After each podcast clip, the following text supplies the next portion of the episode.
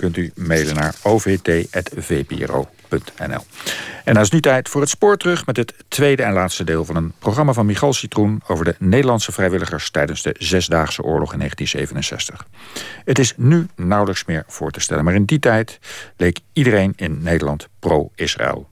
Vorige week in deel 1 hoorde u het dolle enthousiasme voor demonstraties en inzamelingsacties wanneer in juni 1967 de Arabische landen, met name het Egypte van Nasser, de Joodse staat bedreigen. Honderden jongeren, vooral Joden, maar ook niet-Joden, geven direct gehoor aan de oproep zich te melden als vrijwilliger om het werk over te nemen van gemobiliseerde Israëli. De geselecteerde vrijwilligers vertrekken zo snel als het kan en vervolgens belanden ze in de chaos van een land in oorlog. We vervolgen het verhaal met hun ervaringen in het beloofde land. Het jaar dat nu tot historie zal vervagen... was er een waarin de wereld zijn avonturen grootser, verbluffender en duurder beleefde dan ooit. De meest verbluffende nederlaag uit werelds militaire historie leed Egypte dit jaar. Het verloor bijna zijn hele strijdmacht aan materieel en mensen. Het Rode Kruisziekenhuis in Den Haag was een van de plaatsen waar de gelegenheid werd geopend om bloed af te staan voor de gewonden in Israël nadat de strijd in het Midden-Oosten in alle hevigheid was ontbrand. Met de bedreiging van Israël leefde men aanvankelijk evenzeer mee als even later met de successen die de Israëli's op de diverse fronten behaalden. Het was ander Nederland. Uh, het was nog niet, uh, het was nog pro-Israëlisch, om wat voor reden dan ook. Uh, en het was absoluut heel erg wanend tegenover de Arabische wereld. Een Boeing van de El Al kwam naar Schiphol zodra vliegen op Israël weer mogelijk werd om de kisten met plasma en andere zendingen op te halen. Rond van de Wieken. Het was absoluut de tijd dat Nederland er in grotere eh, getalen dan alleen maar die paar joden achterkwam... dat Nederland helemaal niet goed geweest was in de oorlog. Dat ze echt hun joden voor 7 gulden 50 hadden verkocht. En dat, dat die paar helden die er waren geweest... Eh, dat dat maar een hele, hele kleine minderheid is geweest. Uh, ja, Nederland kwam daar een beetje achter met enige schrik en gêne misschien. En daaruit kwam een zeker filosemitisme voort en dus ook een pro-Israël zijn. Er is eigenlijk geen echt verschil tussen Joden en Israël hoor. Dat, uh, niet voor het gevoel van de, van de niet-Joden en eigenlijk ook niet zo heel erg voor het gevoel van de Joden. Met dezelfde machine vertrokken Joodse vrijwilligers naar Tel Aviv om mee te helpen bij de civiele diensten die door de mobilisatie der Israëli's ontmand zijn. Precies op de tijd van de dienstregeling vertrok de machine uit een Nederland dat zich op tal van plaatsen, onder andere in Utrecht, met geestdrift aan het inzamelen van gelden zette via collectebussen die in de straten werden geplaatst. Dit is een brief die ik aan mijn vader stuurde. Dat was 12 juni. Toen zat ik er al een tijdje. Esther van Gelder is de eerste verpleegster die al tijdens de oorlog in Israël arriveert. Ik ben met nog twee andere verpleegsters, waarvan één uit Brussel en de ander uit Rotterdam, niet Joods. We hebben een verdiepingje in een stenen gebouwtje gekregen. Daarna naar het ziekenhuis in Petah Tikwa. Maar we moesten wel hier in Natanja blijven wonen. Het is een afschuwelijke verbinding, maar niets aan te doen. De bussen zijn namelijk nog niet allemaal in de roulatie. Dus moeten we 2,5 uur reizen eer we in Petah Tikwa zijn. Het is wel natuurlijk heerlijk in Natanja, vlak bij de zee. Wel zijn we meteen de eerste dag gaan zwemmen... vlak achter ons een militair kamp. Uh, de blackout, totale verduistering, is gelukkig nu weer over. Het is s'avonds na achten afschuwelijk... want alle huizen, lantaarns, etc. waren donker. Je kan werkelijk nergens één lichtje ontdekken. Er heerst nu zo'n fijne stemming in Israël... en iedereen is zo blij dat dit zo kort maar krachtig is gegaan. Natuurlijk zijn er wel een boel gewonden en doden. Maar al met al valt het wel mee. Met mijn Vriet gaat het best, ik leer het al aardig. De Veiligheidsraad heeft Israël en de Arabische landen verzocht... onmiddellijk de wapens neer te leggen. De oproep wordt unaniem door de Raad onderschreven. De resolutie bevat geen verzoek aan de strijdende partijen... de troepen terug te trekken op de oude stellingen... De regeringen in het Midden-Oosten wordt alleen gevraagd als eerste stap onmiddellijk maatregelen te nemen voor een staakt het vuren en stopzetting van alle militaire activiteiten. Toen we de eerste nacht in Kisufim sliepen. Toen hoorden we schieten niet ver vanaf de grens. Harry Hess is in juni 1967 een student van 21. Wij waren zo'n beetje de grens. En daarop hoorde je steeds... En er was dus nog een gevecht blijkbaar gaande... tussen soldaten die daar lagen en de Egyptische soldaten. Maar om nou te zeggen van, heb je nou echt die oorlog meegemaakt? Ik herinner me wel dat ik van één jongen tegen één jongen zei... het is net de oorlog. we, lagen gewoon in bed en we hoorden gewoon... Dat we echt ja, in een vreemde situatie zaten. Dan kwamen we vanuit Amsterdam via Tel Aviv naar Kisofim. En dat, het leek alsof we plotseling in een oorlogssituatie waren. Ook bij het Anne Frank beeld stond een bus. Velen kwamen hier geld brengen, nu zoveel wrange herinneringen werden opgehaald. Met de warmhartigheid die zoveel kunstenaars kenmerkt... stelden beeldhouwers, schilders en tekenaars werk beschikbaar... voor een grote kunstveiling in Frascati ten bate van Israël. Ook particulieren stonden voor dit doel kunstwerken af. Paul Citroen had dit portret van Ben Gurion ingezonden... dat in de geheel gevulde veilingzaal spoedig een koper vond. 190, ik ben dood. 190 gulden. 190. De opbrengst van de veiling was 82.000 gulden. Niemand meer dan 240 gulden. 240, niemand meer. Allemaal zien. Leeuwarden Courant, 23 juni 1967. Ruim 2 miljoen gulden is door 12 Europese landen al bijeengebracht voor Israël. In Nederland steeg het cijfer gisteren tot 14,5 miljoen. Ruim 2000 Nederlanders hebben serieus overwogen als vrijwilliger te gaan werken in Israël. Uitgezonden werden 92 personen, onder wie 8 artsen, 25 verplegers, enkele technici en veel studenten.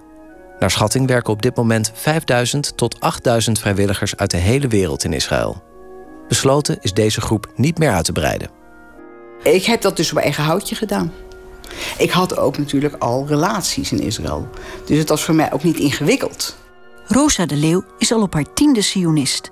En niets houdt haar tegen om als vrijwilliger naar Israël te vertrekken. Nee, ik, ik ging bij een vriendin van mijn ouders die had al geregeld dat ik naar een kibbutz kon om daar te helpen. Want in de kibbutz waren heel veel mensen weg.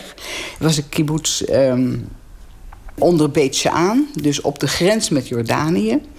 En het was een vrij heftig. Heel veel van de jongeren waren natuurlijk allemaal uit het leger.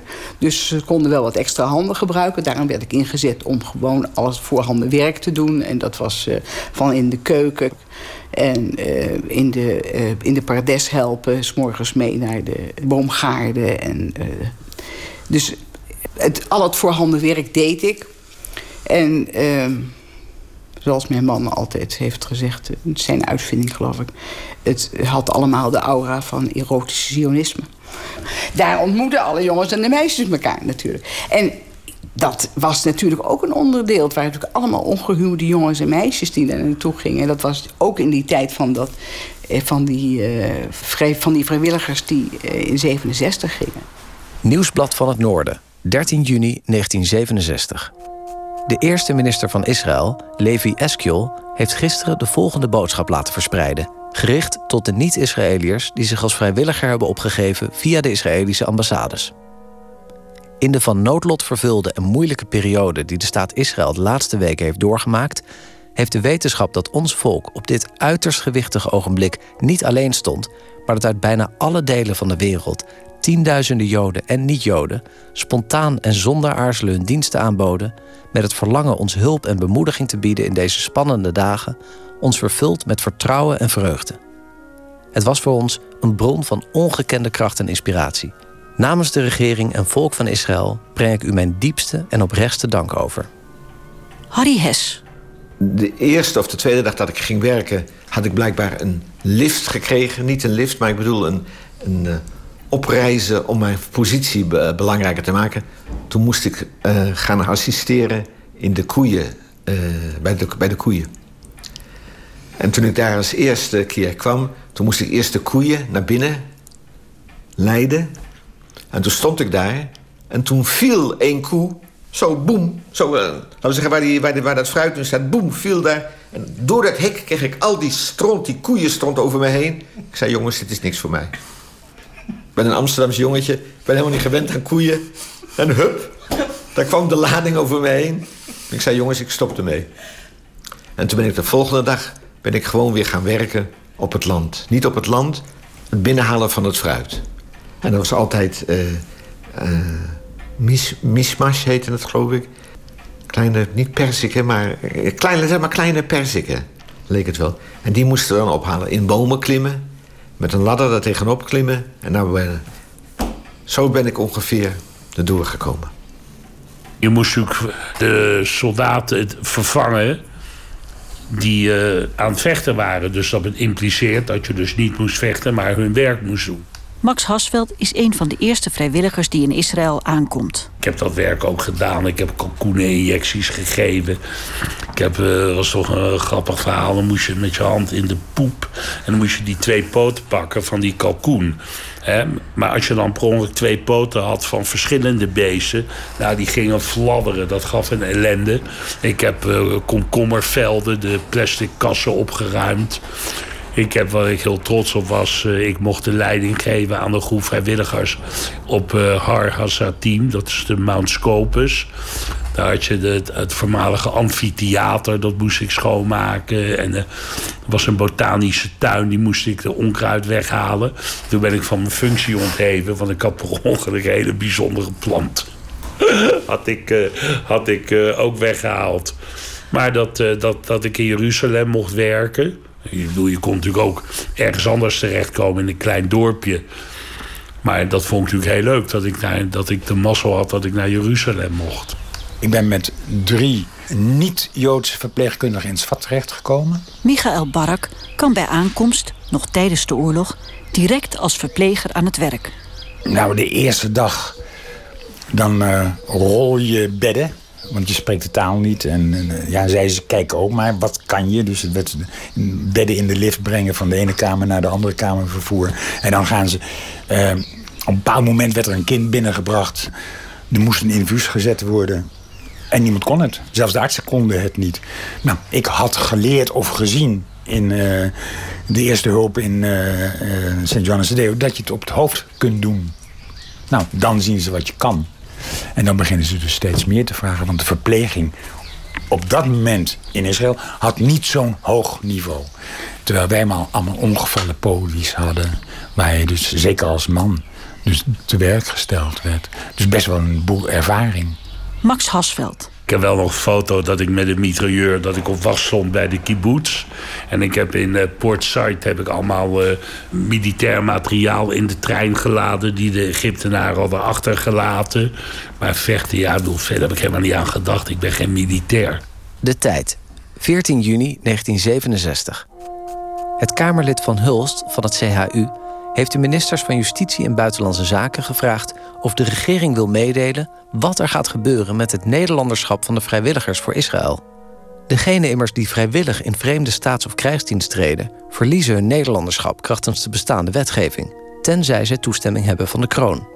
Ron van der Wieken. Dat moet een onzinnige discussie zijn geweest, want er was nooit sprake van dat mensen in vreemde krijgsdienst zouden treden. Nee, dat was helemaal niet in vraag. Als mensen dat zelf wilden, dan moesten ze dat vooral doen. Maar dat, dat, was, niet, uh, dat was niet de inzet van die, uh, van die vrijwilligers. Nee. Die discussie was er absoluut niet. Er was, er was eigenlijk helemaal geen discussie. Iedereen, ik was een held.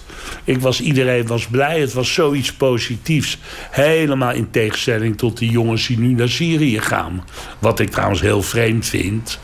Want ik begrijp niet dat ze bijvoorbeeld niet uh, uh, uh, een jongen interviewen die nu naar Syrië gaat met een leuke foto in de krant en een leuk verhaal waarom die daar naartoe gaat. Want die doet eigenlijk precies hetzelfde als wat ik toen heb gedaan. Bij mij was het op grond van Joodse, Zionistische overtuigingen.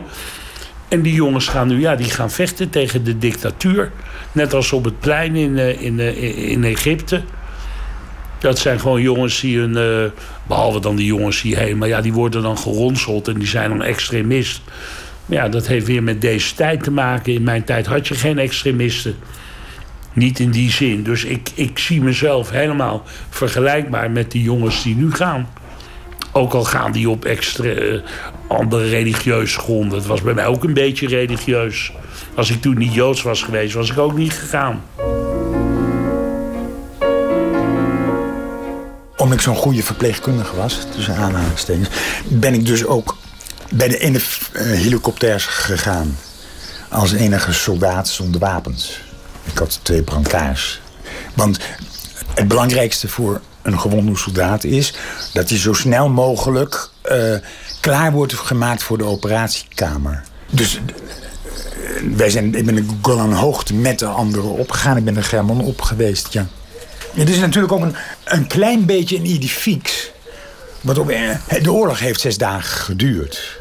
Maar de, het gevecht heeft veel langer geduurd. Er waren grensgemutselingen, er waren nog mensen die verborgen waren. Dus er waren nog mijnenvelden. Dus de slachtoffers zijn nog tijdenlang later naar binnen gekomen. Na een korte periode van al die mensen die daar uh, in Kisofim waren... Dat, dat een groep wilde weg. Want Kisofim lag zo ver weg van Tel Aviv. En dan duurde het uren met de bus om naar Tel Aviv te komen. En daar was dus het uh, drukke leven enzovoort. En ik zei, jongens, ik ga niet mee. Dat had ik besloten. Alhoewel ik inzag, dat, wat, wat doen we nou hier? Een beetje dat fruit plukken enzovoort. Wat doen we nou? Maar ik heb dus besloten, ik ga niet mee. En ik herinner me één jongen die dat geweldig van me vond. Dat ik dat had gezegd, ik ga niet mee. En dan, ik had geen zin om gewoon voor dat naar Tel Aviv te gaan. En we zijn er geloof ik wel een keer geweest. En ik herinner me wel dat we met een groepje mensen waren. En uh, toen zei die ene jongen, dat we dus in Tel Aviv waren... en het zal misschien al in het einde van de juni, of ik weet niet precies wanneer... maar dat die jongen zei, ja meneer, u, u rekent zoveel voor dat kopje koffie enzovoort... maar we zijn vrijwilligers. En toen zei die man, en dat was een oudere meneer... die zei, meneer, wij hebben helemaal geen vrijwilligers nodig. Dus ik dacht eigenlijk, die man heeft eigenlijk volkomen gelijk. We hebben helemaal geen vrijwilligers nodig. Maar het leek mij in de kibbutz dat we wel... Er waren inderdaad geen mensen van de kibbutz. Esther van Gelder. Het was chaos. Het was gewoon een chaos. Maar uit chaos ontstaan goede dingen. En er werd mij ook meteen gevraagd... in welk ziekenhuis wil je werken? Nou, wat boeide me dat, welk ziekenhuis? Als je gaat, waar heb je het hardst nodig? Later zijn de andere meisjes uit de CIS die toen ook zijn gegaan... ja, die zijn naar het mooie ziekenhuis in Hadassah gegaan. En ik ben in een afvalziekenhuis terechtgekomen in Petah Tikva. Waar overigens, dat vind ik wel leuk om te zeggen... tussen alle hele trieste gevallen één mevrouw was... en die had uh, aan de handen, vreselijk veel pijn. Een lieve oudere dame. En dat was de zuster van Golda Meir... En ja, op een gegeven moment, ik had dat niet door... kwam meneer Golda Meir op zoek in dat ziekenhuis. En die gaf mij een hand en bedankte me. Ik heb de hele dag mijn hand niet willen wassen. Want dat was wel heel erg vereerd. Overigens, ze was heel klein en nog lelijker dan op de foto's en op de films die je zag. Maar ik voelde me wel vereerd. Enorme uitstraling. Bij de bezetting van de oude stad van Jeruzalem door de Israëlische troepen zijn de heilige plaatsen van Joden, Mohammedanen en christenen onbeschadigd gebleven. Alleen de buitenwijken rondom de oude stad zijn door artillerievuur beschadigd. Om ongeveer 12 uur plaatselijke tijd hield het vuren op en trokken de Israëlische strijdkrachten door de Mandelbaumpoort. Wat vindt u van de hereniging van Jeruzalem? Nou, ik kan wel zeggen dat dit is het grootste ogenblik van mijn leven. Ik herinner me gisteren toen ik het hoorde, de herinnering van Jeruzalem. Toen ik in Bergen-Belsen was en een SS'er sloeg mij... dat hij me minder onder het slagen zei... Nu, du willst nog naar Jeruzalem. Ik herinner me gisteren aan dit geval. Misschien kunt u dan wel ook begrijpen dat mijn vreugde ook getroebeld is... door de grote verliezen en het vele bloed van onze soldaten die gevallen zijn. En mij persoonlijk ook door de, mijn ouders en broers en zusters die dit moment niet hebben mogen beleven. Ik herinner me ook dat ik onderweg naar huis. Huis was dan de vriendin van mijn ouders die in Tel Aviv woonde. Rosa de Leeuw. Want je lift in die tijd nog, kan je tegenwoordig niet meer doen. Hè. Dan lifte ik mee en dan kwam ik met een gezellig naast een leuke soldaten zitten... die meteen riep van, leuk, gaan we samen morgen naar Jeruzalem. Laat ik je de muur zien. De muur was namelijk net de drie, vier dagen daarvoor was die muur dus bevrijd. En ik heb dus daar drie dagen nadat die muur dus bevrijd is gestaan... met de jongen die dat gedaan had. Hij had andere bedoelingen dan mij alleen de muur te laten zien... kan ik je mededelen, maar dat had je al begrepen. Ehm, en maar ja, het was, een, een het was zo'n zo zo'n tijd waarin dingen uh, gebeuren. Maar ik vond het best spannend. Ik ben lekker met zo'n soldaat in de bus mee naar uh, Jeruzalem. En die, die, die, dus de weg wist. En die wist waar je moest zijn om dan die muur te zien. Ik vond de muur trouwens maar matig interessant. Dat vind ik nog steeds. Maar het was, en het was dus echt... Jeruzalem was net voor her, heroverd. Het was dus, ik kwam dus in het stuk wat net vers drie dagen in handen van Israël was. Friese Courier, dinsdag 27 juni 1967. De Nederlandse plastisch chirurg Dr. Lamaker, die als een van de eerste medisch specialisten na het uitbreken van de oorlog naar Israël vertrok, is gistermiddag ook als eerste van de vrijwilligers teruggekeerd naar Nederland, omdat hij vond dat er voor hem niet voldoende werk was om er te blijven. Na het eindigen van de vijandelijkheden keerden de Israëlische specialisten terug uit dienst, zei hij desgevraagd. Toen besloot ik terug naar Nederland te gaan. In hetzelfde toestel is ook psychiater Moussaf uit Israël teruggekeerd. Hij heeft in ons land aan het hoofd gestaan van de afdeling waar de vrijwilligers mentaal werden getest voor hun uitzending. Hij reisde op verzoek van de Jewish Agency naar Israël om iets te weten te komen over de positie van de vrijwilligers al daar. Er is nu geen werk meer voor verpleegsters, artsen en specialisten. In New York staan op het ogenblik 2000 Amerikaanse vrijwilligers klaar om naar Israël te vertrekken, maar volgens Moussaf weet men echt niet meer wat ze met al die mensen moeten beginnen. Ik mocht toen met een generaal meerijden in zijn jeep naar Mount Scopus. En er zaten ook een paar soldaten in en zo. En er kwamen allemaal soldaten tegen. was één militair gedoe. En wat me toen opviel, dat die generaal schreeuwde naar de militairen... maar dat ze allemaal terugschreeuwden. Dan moest ik zo lachen. Dat was natuurlijk zo raar. Maar dat schijnt daar normaal te zijn. Nou ja, zo is dat zo. Ik ben ook... Uh, er was een bijeenkomst... Dat was ook de eerste grote toespraak van Rabin. Die, die, uh, die heeft daar toen in dat amfitheater... en er waren alle belangrijke mensen, internationale, waren daar aanwezig. En omdat ik schoonmaker was, mocht ik daarbij zijn. Toen stond Rabin daar met zijn zonnebril... Weet je wel, die Reben. Heel verlegen, een beetje rood aanlopend. Maar ja, dat vond ik natuurlijk als studentje vond ik dat natuurlijk prachtig. Nou, toen ging ik dus weer terug naar de kibbutz die dus helemaal in het noorden is, hè, een beetje aan. Ik heb een beetje de kaart een beetje voor ogen. En uh, net onder het meer van Tiberias. En uh, die haalden een tripje. Die hadden dus heel erg geleden onder, uh, um, onder de beschietingen voor de Zesdaagse Oorlog. En die, uh, die hadden dus heel erg veel uh, ellende gehad. En nu was eindelijk, die zaak was nu in handen van Israël gekomen. Vooral de Golan. Ze waren vooral vanuit de Golan heel erg beschoten. En die gingen een tripje maken op de zojuist vol over de Golan. Nou, en ik zat in de bus. En dat was allemaal net in die week daarvoor gebeurd. En al die mensen die hadden dus ook nog verhalen van... Uh, hoe, hoe blij ze waren dat, die, dat eindelijk die, die zaak daar bezet was. Of in ieder geval in handen van Israël was gevallen. Want nou ging het leven veranderen.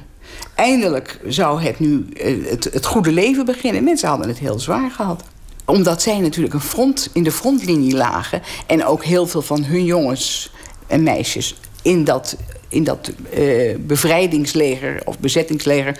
hangt er vanaf welk kant je kijkt... Uh, konden zij dat regelen, want die zaten in de bus. Die jongens en meisjes kwamen naar huis. En die kwamen roepen van pa, ma, kom mee. Gaan we kijken. En dat is natuurlijk ook omdat het zeker toen nog echt een volksleger was. Dat iedereen begreep ook dat je dat moest doen voor die ouders. Die hun kinderen dat allemaal lieten ondergaan. Er was ook heel veel ellende. Heel veel mensen waren dood. En, en, dus er was ook het gevoel van je moet ook laten zien wat, waar het nou allemaal over gaat. Ik herinner me nog dat er een vrijwilligster was. Die heette Tineke. Omgeving mocht op het strand slapen in Ashkelon. En toen kwamen er duizenden krabben uit die zee. Nou, dan was ik als ze dood voor. Toen weet ik nog dat ik in haar slaapzak ben gekropen. En we daar samen in gelegen. Ja, dat soort herinneringen heb ik dan allemaal. Ik ben uh, bij mijn familie een dagje geweest. En uh, ik heb nog in het gips gezeten. Omdat ik zo hard gewerkt had met die stenen op Mount Scopus. Toen was ik door mijn rug gegaan. Dan zat ik zo in het gips. Ik geloof zelfs dat ik... Uh, aan het einde, na drie maanden, een vriendinnetje uit België over heb laten komen. Dus op zichzelf was het uh, Ik, was daar niet met feestgedachten naartoe gegaan. Ik was heel uh, serieus, het zat heel diep in me. Maar ik heb wel een hele leuke tijd gehad. Het enige wat ik me toen ooit heb afgevraagd van ja, wat was het nou wel de moeite waard? Wat heb ik nou bijgedragen? Maar ja, misschien is dat de normale gedachte als je zo jong bent. Nou, ik, ik, ik heb ook uh, uh, diverse mensen die met, met ons meegegaan zijn op die reis. En die zijn dan naar een, een beetje uh, orthodoxere kibbutz gegaan. Die hebben nauwelijks gewerkt. Die hebben nauwelijks gewerkt.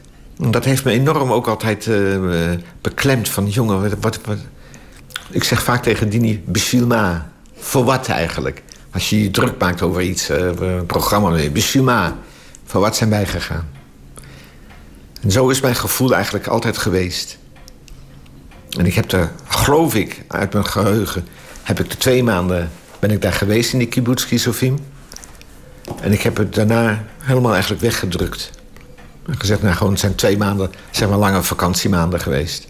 Nieuwsblad van het Noorden, 5 juli 1967. Bauks Kroon, notariaatstuderend te Groningen... is van een bliksembezoek aan Israël teruggekeerd in de stad. De vliegtuigladingen vrijwilligers die het beloofde land overstromen... hebben het land een nieuwe slagzin ingegeven. We willen dat je blijft. Kroon werd door de Jewish Agency voor de keus gesteld. Tekenen voor drie maanden of terug. Hij had zich als enige niet-Jood gevoegd bij een groep Zionistische Canadezen. Sluipschutters en mijnen maakten het abrikozenplukken tot een spannende bezigheid. Maar nu is de noodzaak voor zijn aanwezigheid teruggelopen tot praktisch nihil. En denkend aan zijn onderbroken studie koos hij voor de laatste mogelijkheid. Michael Barak. Ja, je hebt het zo ontzaglijk druk. Ik heb uh, zeven dagen, acht dagen aan één stuk doorgewerkt zonder te slapen. En op het laatste, na die acht dagen, hebben ze dus een middeltje moeten geven dat ik in slaap om zou vallen. En dus een dag rust. Het voordeel voor mij was natuurlijk, ik kom, ben Nederlander. Dus de jongens die gesneuveld zijn of gewond waren, kende ik niet. Het is precies hetzelfde als je een uh, auto-ongeluk binnenkrijgt. Maar door er te zijn, worden het jouw jongens. En dan wordt het moeilijker. Het is geen trauma geworden, terwijl ik weet dat het een trauma is. Het is niet zinloos geweest. Het is een deel van mijn leven. Ja, het is, en ik heb er geen spijt van. Het heeft best veel gekost, uiteindelijk. Want uh, je bent er zo mee uh, verbonden dat je er eigenlijk nooit meer los van komt. Tegelijkertijd ben ik ook heel dankbaar daarvoor dat ik die gelegenheid gekregen heb. Um, door naar Israël te gaan, heb ik voor het leven gekozen. Voor mij, ja, een heleboel Joodse mensen hebben voor de rouw gekozen of het verdriet gekozen. In Israël kom je dat, is dat verdriet natuurlijk ook aanwezig. Maar mensen zijn blij met wat er is. Ze zijn blij met hun kleinkinderen, zijn trots op hun kleinkinderen, zijn trots op wat ze gebouwd hebben. Daar ben ik een deel van geworden, van die trots. Dus ik ben ook trots om Joods te zijn. En niet uh, het slachtoffer van mijn Joods zijn. Dat is wat vrijwilliger zijn mij gegeven heeft. Ik heb nog nooit zo hard gewerkt als die drie maanden. En overigens, ik denk dat het onmisbaar is geweest voor mijn opleiding. Ik kom terug in Nederland en ik had twee ziektedagen te veel opgenomen. Dus ik mocht geen examen doen. Ik kreeg een jaar over te doen. En ik was zo kwaad erover. Want ik had nog nooit zo hard gewerkt als in Israël. En ik kon ook alles aantonen. Ik had niet op het strand gelegen. Ik had één vrije dag per week. En de rest was dubbele shift zelfs maken. En als je dan terugkomt en je krijgt te horen van... ja, je hebt lekker uh, vakantie gehouden, hè, dan word je heel boos. Dus ik ben actie gaan ondernemen. Ik heb naar het ministerie van Volksgezondheid geschreven. En ik werd uitgenodigd voor een gesprek. Daar zat een uh, oud-verpleegkundige. Een hele strenge mevrouw. En die denk oh, dit gaat niet goed. Die keek mij aan. Ja, ik was toen nog jong en mooi. ja, wat wil je? En die zei... Ze vonden je zeker wel heel erg leuk hè, in Israël. Ik zeg, oh ja? Wat bedoelt u daarmee? Het is nou mooie bruine ogen en donker haar. Nou, je viel daar wel zeker in de smaak. Zeg, u heeft het fout. Zo ziet iedereen er in Israël uit. Hier in Nederland val ik op, maar daar niet. Ja, maar waarom ben je dan gegaan? Toen zei ik, nou mevrouw, meteen inschattend uit welke hoek ze kwam. Als uw Vaticaan in de brand staat, gaat u dan naar het Vaticaan om te helpen of niet? En toen was ze stil. En toen hoefde ik maar een half jaar over te doen. Het had eigenlijk helemaal geen zin. En een broer van mijn vader, die toen in Israël woonde... die schreef al een brief. Harry had das land gerettet. Helemaal natuurlijk niet het geval. Ik heb niks gered, niemand gered. De enorme ironie die de man uitsprak... Harry had das land gerettet, dat was helemaal nul. Mijn, mijn, mijn herinneringen zijn nog eigenlijk staan me scherp in het geheugen. Maar ik dacht eigenlijk, bestuur Ron van der Wieken. Ze hebben allemaal een hele goede tijd gehad. Uh, iedereen was, ja, het was een, uh, ja, je moet je voorstellen, dat was in een tijd dat, dat, je, dat iedereen diep, diep angstig was voor wat er ging gebeuren met Israël. En met, met al onze familie en vrienden daar en, en, en alle andere Joden. En uh, ja, vanuit die diepe angst kwam iets heel goeds. Uh, namelijk de overwinning op, op, op, op, uh, op ernstige vijanden, op zware vijanden. En dat, dat gaf een gevoel van optimisme. En nou zijn we eindelijk van, van, de, van de rottigheid af. Nu, nu is het klaar. Maar ja, dat, dat bleek niet het geval te zijn. Maar ja, dan heb je zoveel meegemaakt. Dan kan je niet meer als een leerling verpleger. Want dan krijg je namelijk natuurlijk geen opvang. Iedereen is blij dat je vrijwilliger geweest bent. Maar je bent ook al je rechten kwijt. Nee, dat is niet iemand die uh, bij het vliegtuig zegt van... oh, bedankt, we zullen je nu verder helpen. Dus dan val je pas in een gat. En dan heb ik, ik had dus mijn ontslag gekregen... want je hoort niet uh, naar je scheld te gaan. Dus je moet weer opnieuw gaan solliciteren. En dan zeggen ze, ja, je bent wel derdejaars... maar je bent nu alweer zo lang weg... dus begin maar weer opnieuw. Dus dat zijn de consequenties.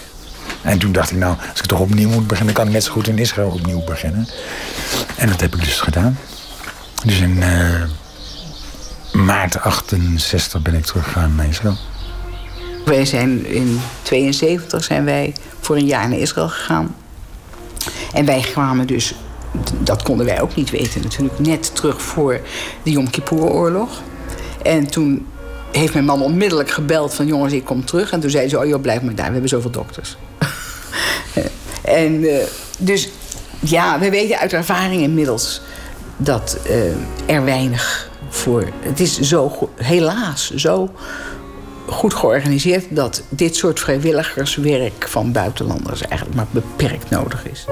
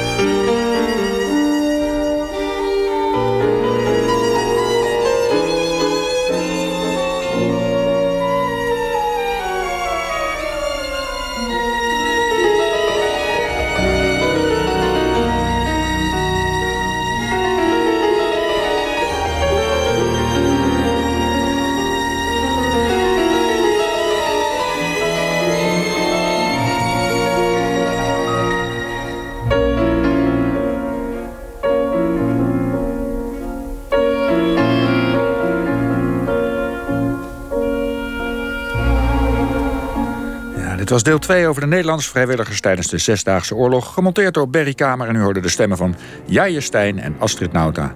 En wilt u beide delen op cd, maak dan 7,50 euro over naar 444600 van de VPRO in Hilversum.